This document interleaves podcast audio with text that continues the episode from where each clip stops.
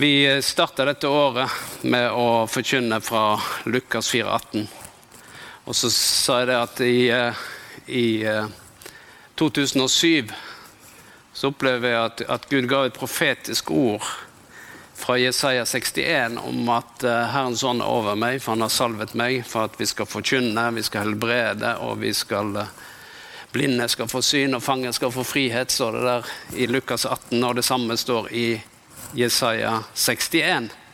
Men noen ganger så er det sånn at uh, når uh, Gud gir profetiske ord, så handler det, da handler det om noen som kommer. Noen som ligger litt lenger fram i tid. Og det var det jeg opplevde den gangen. Men når vi kom til dette året her, 2019, så var det som om Gud tok fram igjen akkurat samme verset. Men han sa denne gangen skal du dele det fra Lukas 4,18. For det Jesus sier da, det er at han sier her og nå har dette opp, blitt oppfylt foran deres øyne, sier han der i, i Nasaret, i synagogen. Her og nå er dette blitt oppfylt. Så han tar det ordet som var det var flere hundre år siden, og så sier han her og nå er dette blitt oppfylt. Og eh, det er sånn at eh, jeg opplever at her og nå så handler det om at vi at uh, vi har blitt forberedt for noen ting. Men så begynner ting å røre på seg.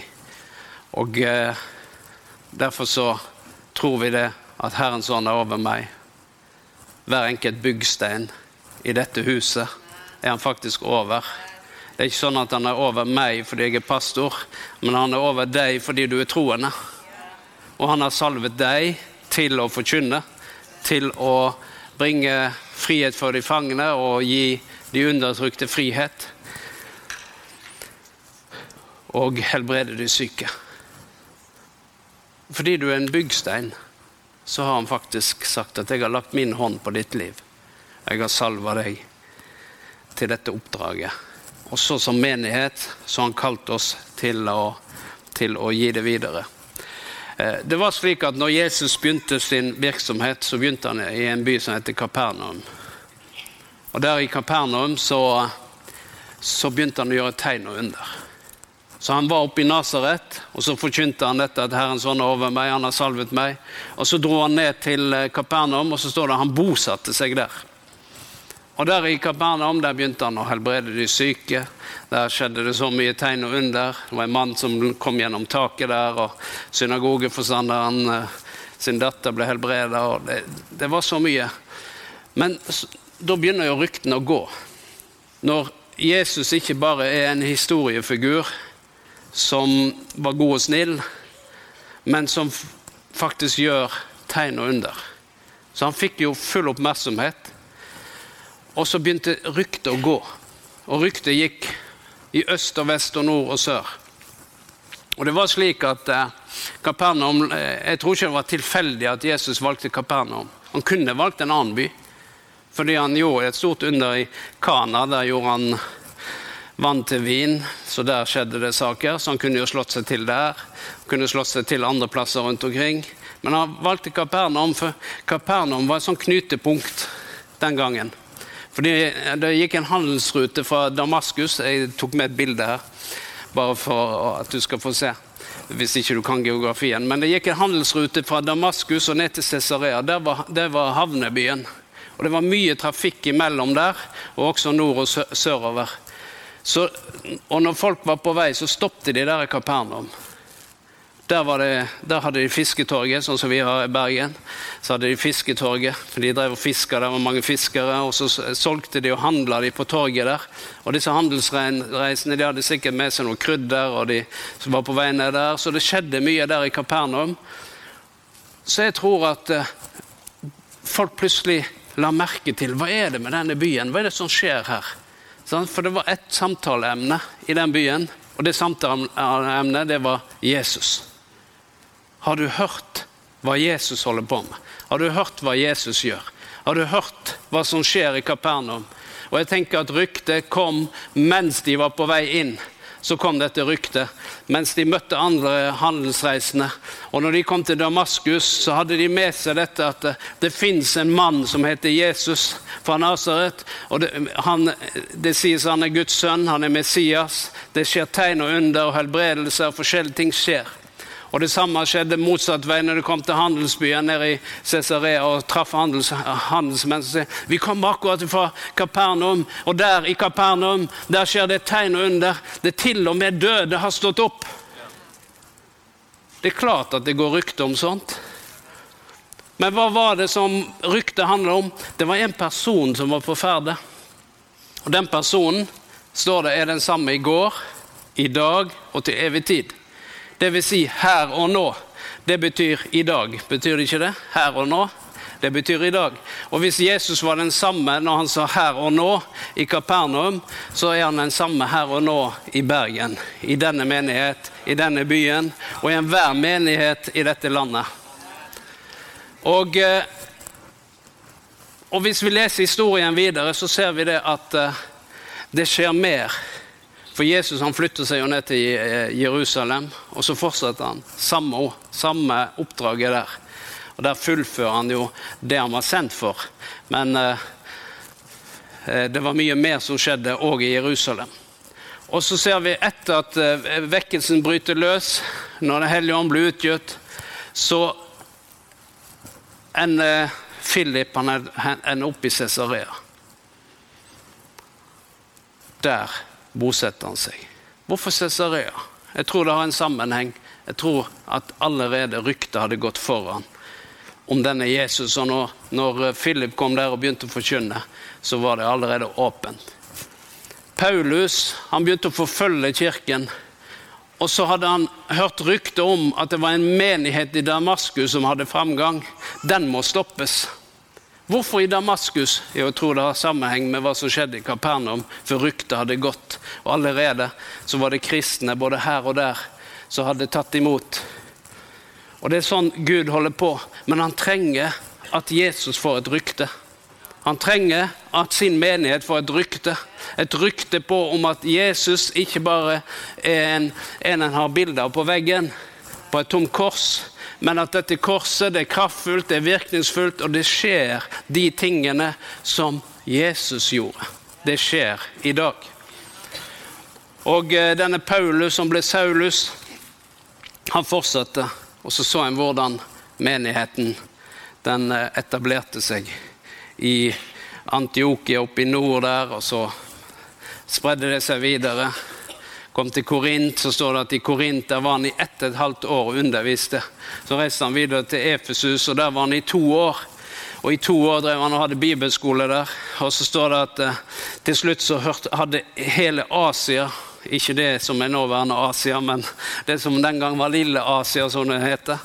Tyrkia-området der med Der det, fikk høre evangeliet. Det var noe som skjedde i disse byene til slutt så endte han opp i, i Roma, og der var han òg i to år og underviste. Så du ser på en måte at det, det var noe Gud holdt på med. Han etablerte sitt rike. Og det er det han holder på med den dag i dag. Han etablerer sitt rike. Og eh, på lørdag kveld i konferansen så, eh, så, opplevde vi på en måte at Gud Vi ønsker bare å innvie dette huset. At det er en plass hvor du kan et, en plass av vekkelse. Et senter for vekkelse. Vi ønsker å innvie dette huset, så, vi, så flere av lederne så var vi bare knelte ned. Og så ba vi Gud.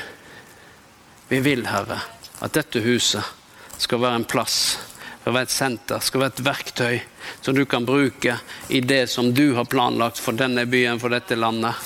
Han vil bruke flere sånne steder, men vi vil at han skal bruke denne plassen. Vi sier, Herre, vi, vi sier dette huset er invitert. Det, det er innvia for deg. Og vi inviterer deg, Herre, til å bruke det slik som du vil. Det er en litt skummel bønn. Slik som du vil. Fordi at eh, dagen etter så holdt eh, Ben Fitzgerald møte her, og så snakket han om å bøye din vilje.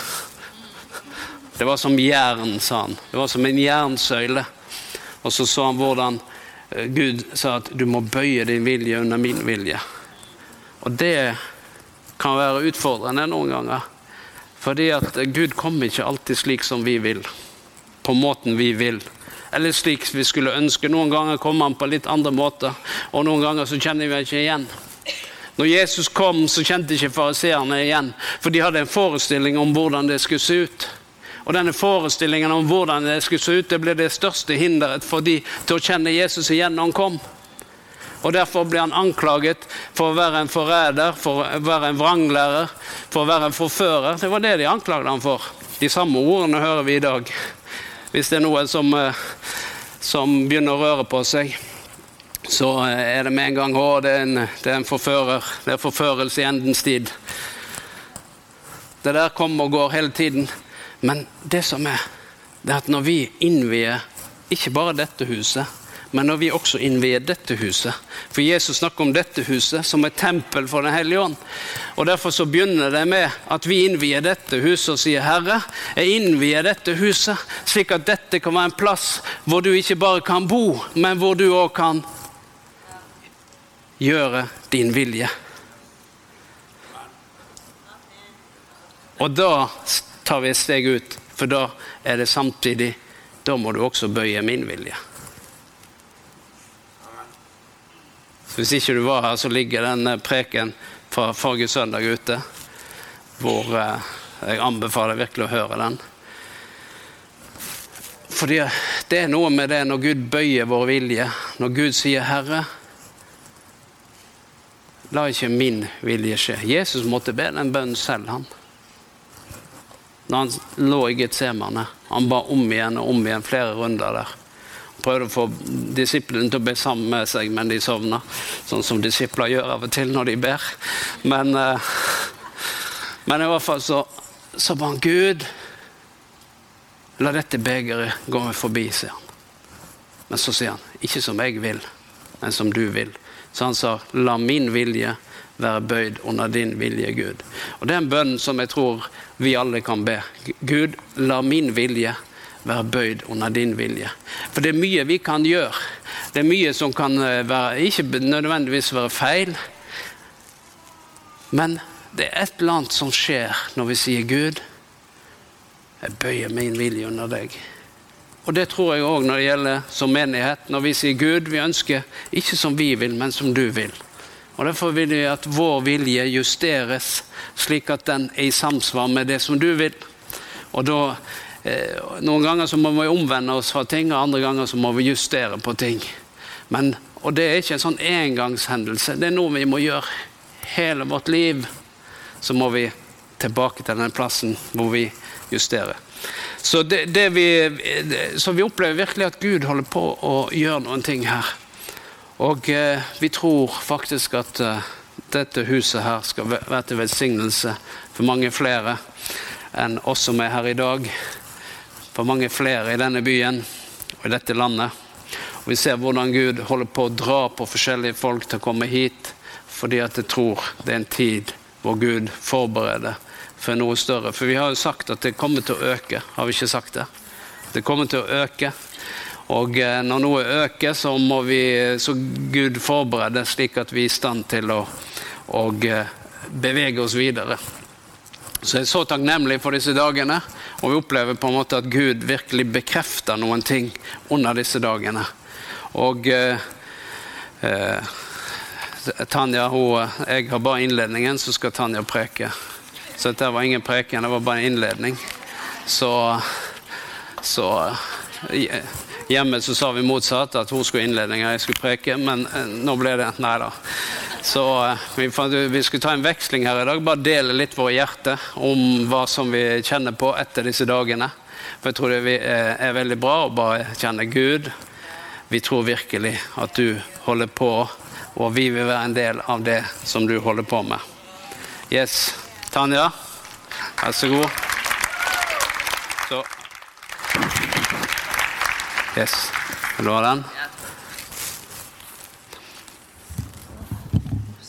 Hallo, hallo, ja. Dette går bra.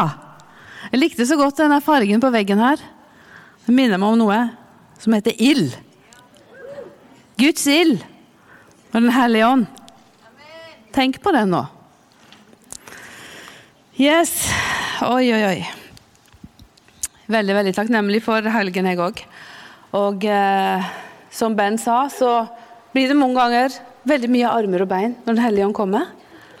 Og det må vi tåle. Fordi vi vil heller ha liv enn død. Det er bedre at det spreller litt mer enn at det er helt dødt. Du bare sitter som noen sånne ansikter som er helt døde. Da vil jeg heller ha noe ekstra sprell. Er dere enige? Jo. Så det må vi tåle.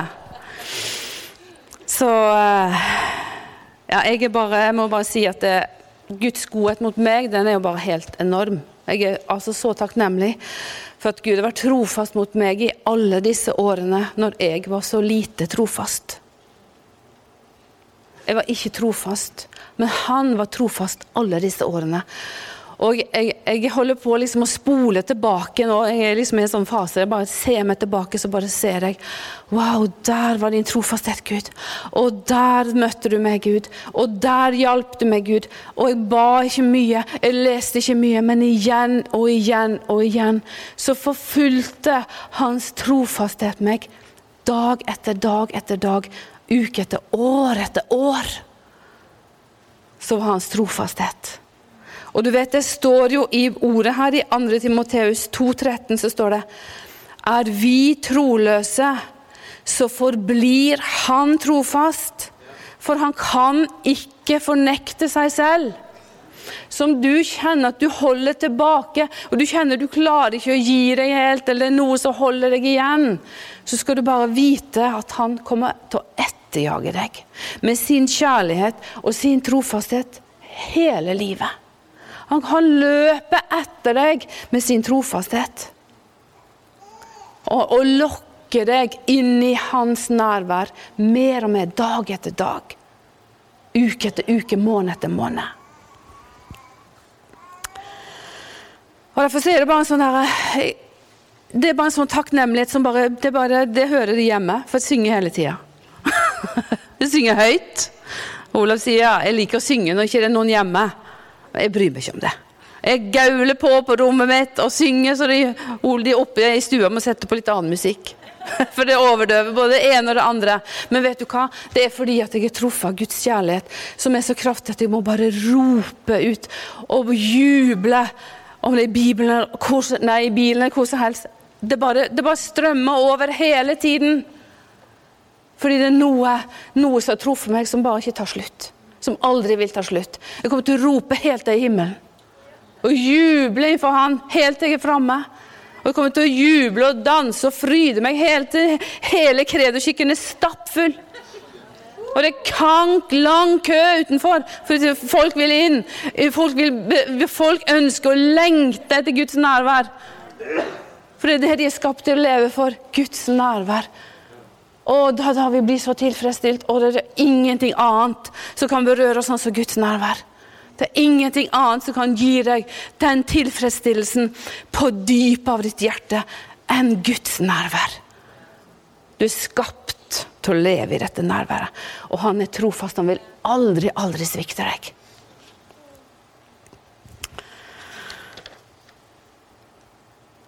På et av møtene som Sama Habi hadde, så vet ikke om noen av dere var der, men så falt hun på kne. Og så begynte hun å synge. Hun lå her på kne, og hun sang. Og hun sang, og det tok ikke slutt. Jeg tror hun holdt på i hvert fall en time. Hun bare sang ut lovsanger fra sitt indre. Fra den kilden, fra dette som Gud bare hadde vært ansikt til ansikt med Jesus. Fysisk har hun vært der. Det er ingen av oss som har vært. Så hun bar jo med seg noe helt spesielt. Men det kom ut hele tiden. Det strømte over hele tiden og brydde seg ikke om noen folk. Det var bare den lovsangen i hennes indre som bare boblet over hele tiden. Og den så vi her. Og da bare, ville vi bare sitte på kne og bare synge med her. Og Ben lå her rett ut med teppet på seg i Guds nærvær. Vi er like alle sammen.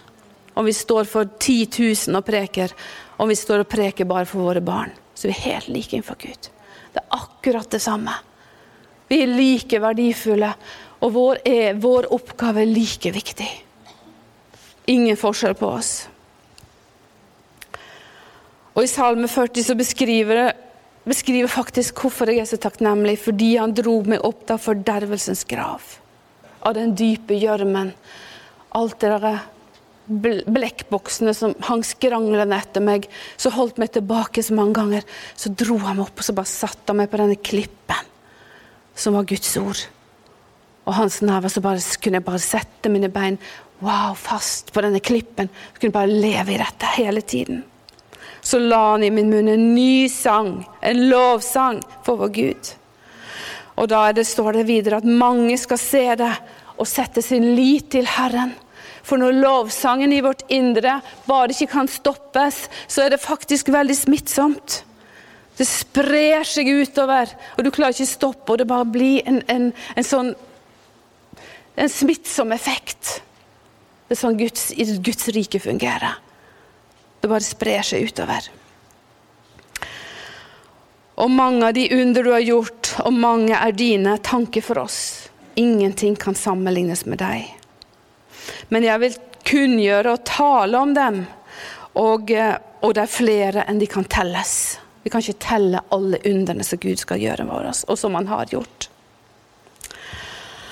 Og én ting som takknemlighet gjør med mitt hjerte, og som har gjort at det våker over at, at det, i forhold til, det hjelper meg å holde meg unna baktalelse og kritikk. Fordi det er noe som stenger ned Guds lovsang. Du klarer ikke å lovsynge Gud hvis du holder på å kritisere alle andre og alt mulig, og har en kritisk ånd her.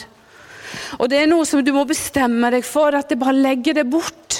Samme om du kan ha rett, så har du ingen, du, du har ingen fordeler av å holde på å kritisere og baktale. Absolutt ingen fordeler. Kun negative ting som, til, som treffer deg, og det hindrer deg å lovsynge. Og det har jeg sett at hvis det kan snike seg inn ting av negativitet som bare vil komme Og det, det, det vi alle er utsatt for. Må ikke tro jeg er et unntak. Jeg òg har det. Og Da må jeg bare bestemme Jesus, ta bort disse tankene. Og rens meg fra dette.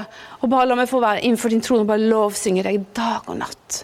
Og jeg merker hvor den strømmen som bare kommer fra himmelen hele tiden, og jeg er bevisst på dette. Og bare gi meg ikke.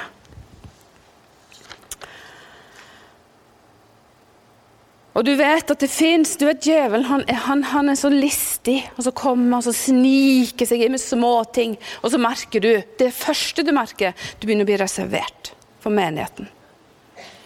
Du vil helst ikke være, være på alt, og du, du reserverer. Har et steg tilbake. Og da skal du være på vakt, for da, da er det noe som holder på å skje med deg.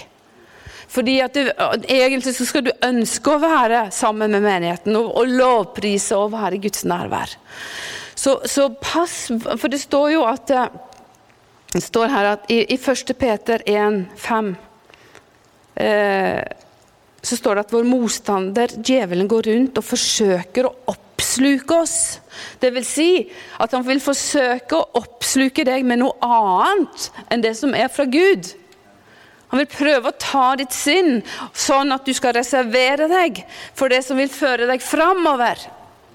Og det skal vi være våken for.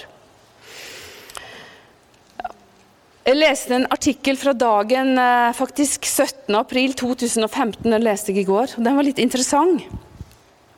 Eh, og da, det, da, ble, da ble konferansen vår beskrevet i dagen. Og da sto det at, eh, at det var som på en måte det var lovsangene, og det var bønnene, og det var forventningen. Og det var det sterke felles ønsket om et nært åndelig gjennombrudd. Det skrev avisen.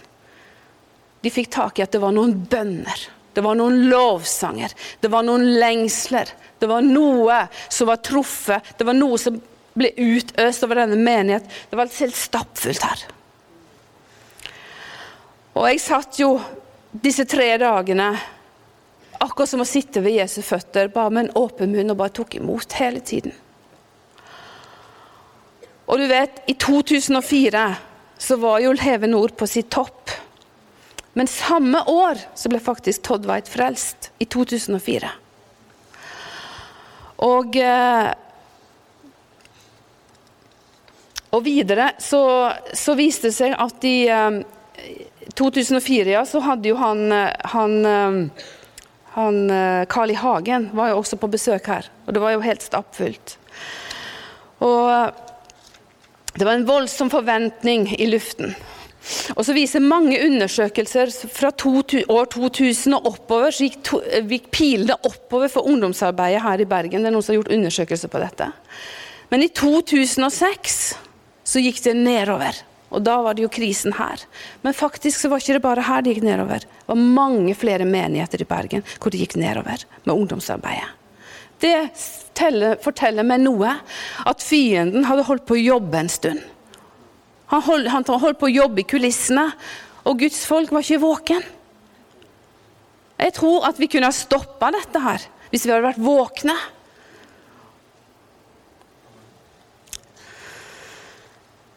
Så sender Gud Todd White hit, uten at vi visste hvem det var. Så sender han Roy Goodwin, Robbie Dawkins, Ben, Sama og alle. Og så starter vi bønneskole, og så er det 160 stykker som melder seg på. Og jeg hadde bestemt meg for at jeg skal preke om det kommer ti eller fem. Det betyr ingenting. Fordi at det er Gud som holder på med noe. Han holder på å vekke oss opp. For noe nytt som han ønsker å utøse over sin menighet, over sitt folk. For han har ikke kalt oss til å gå fram og tilbake til møtet og sitte her. Han har kalt oss til å fungere i hans kraft hver eneste dag. Og eh, Når jeg la meg i går, og når jeg våkna i dag, så hadde jeg en bønn, og jeg kjente at den bønnen der, den var, å, den var, den var virkelig Den hellige ånd. Men jeg vil si etter denne konferansen så bare kjenner jeg på en måte at det er bare noe nytt. Det er bare noe nytt som har skjedd. Og jeg våker over det som Gud har gjort i mitt liv. For jeg vet at når Han har gjort noe i mitt liv, så fører det alltid til noe. Det blir alltid frukt. Så jeg tar tak i det og beskytter det som en skatt. For jeg vet at det bare er det som bare fører meg videre. Så jeg vil at vi skal reise oss opp, faktisk. Og hvis du, Kenneth, bare kommer og spiller litt på pianoet.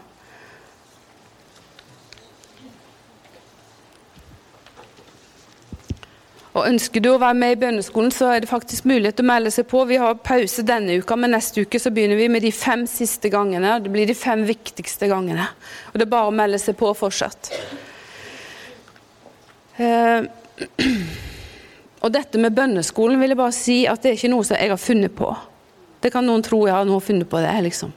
Det var bare noe sånn hellig om pang bare ga hjertet mitt. så talte det ut, så kjente jeg yes, Gud, det er du. Det er du, Hellige som ber meg om dette. Det er ikke noe jeg har funnet på sjøl. Og da blir det spennende. Det er sånn vi vil leve. Jeg vil, vil, jeg, vil, jeg vil, høre fra Han. Jeg gidder ikke mitt eget verk, jeg gidder ikke mine egne planer. Jeg vil ha tak i det himmelske, for det gir gjennombrudd. Og det forvandler oss. Og det forvandler byen vår, og det forvandler familien vår. Og når jeg ser på, på veggen her jeg tror ikke det er tilfeldig at denne ildfargen er her. Røde fargen. For når jeg lå der innenfor Gud og hulkegråt i hans nærvær natt til 17. april 2015, så var det så tjukt av Guds kjærlighet i rommet at jeg kunne knapt snakke eller bevege meg. Men jeg gråt. Hulkegråt.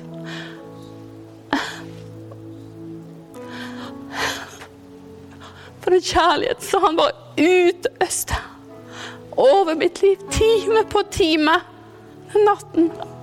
Og brente bort all frykt. All sykdom måtte gå. Alt mitt eget strev som hadde slitt med alle år. Så kommer Guds nærvær i ett nu og blender meg. Jeg kan ikke se, jeg kan ikke snakke. Jeg kan bare gulkegråte innenfor ham. Og sånn er han. Sånn er han. Sånn er han. Alene er han sånn. Han ønsker å møte oss alle sammen. Han ønsker å bryte gjennom hvert eneste liv. Han ønsker å reise opp hver eneste familie Så lovsangen og bønnene bare ljomer i husene. Som Ben profeterte utover. Det starter med oss. Vi kan aldri se oss rundt, men det starter med lengsel i vårt indre etter Han alene som kan forvandle oss. Og det var det som skjedde når jeg kunne sitte disse tre dagene og bare høre på Todd White sitt vitnesbyrd i tre dager. Og han delte sitt hjerte time etter time, bare fortalte han om Guds under. Og jeg satt og bare drakk inn og drakk inn.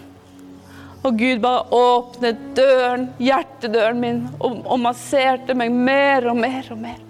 Til slutt så kapitulerte jeg totalt. Kastet bort alle hemninger. Alt som skulle holde meg tilbake. Og løp inn i hans favn. Og konferansen var slutt, så kom han igjen. Og han kom igjen, og han kommer igjen, og han kommer igjen. Og han forbereder oss. Han forbereder sin brud for å møte ham. Så det er en tid for forberedelse og overgivelse. Vi eier ikke våre liv sjøl når vi har gitt oss til ham. Det er han som eier de. Det er han vi har gitt våre liv.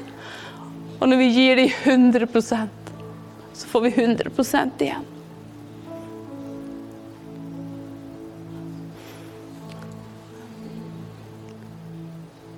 Skal vi bare alle strekke våre hender opp mot himmelen. Så bare gir vi våre liv og alt vi har. Og Guds kjærlighet. Guds kjærlighet. Guds kjærlighet vil bare flyte over oss. Guds kjærlighet vil bare berøre oss. Det eneste vi vil, er å være med ham.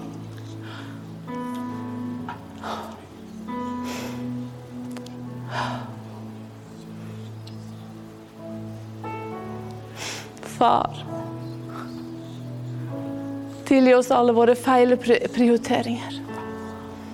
Hjelp oss til å komme i rett ordning med deg, far. Hjelp oss til å komme i rett ordning med våre liv, far. Så vi setter deg først, og vi slutter å unnskylde oss og skjule oss for deg. Du ser oss uansett. Far, jeg ber hjelp oss. Så vi kommer i rett kurs. Så vi tar opp talentene våre og holder de fram for deg. Og sier, Gud, her er mine talenter. Ta over mitt liv. Før meg videre. Før meg på de veiene som du hadde tenkt. Du alene. Og bøy min vilje til å bøye seg under deg. I Jesu navn.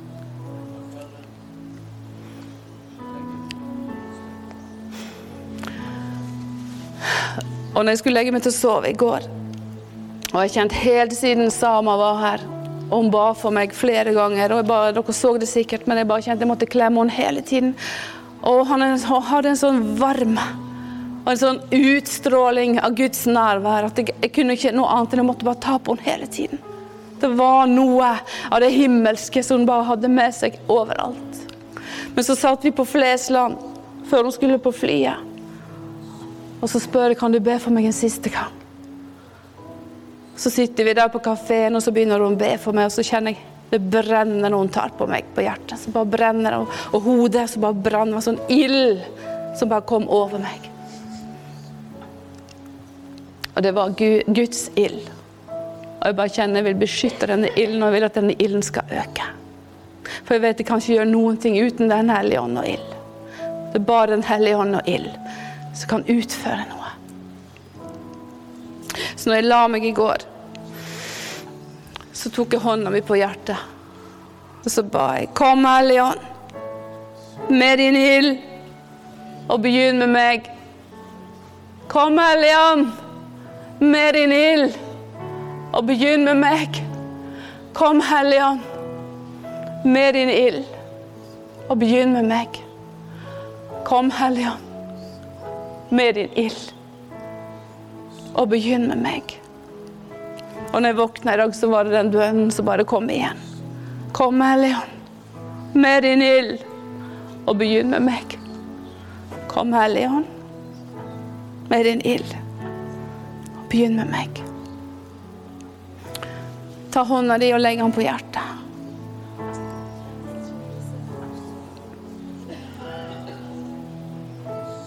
Så ber du ut.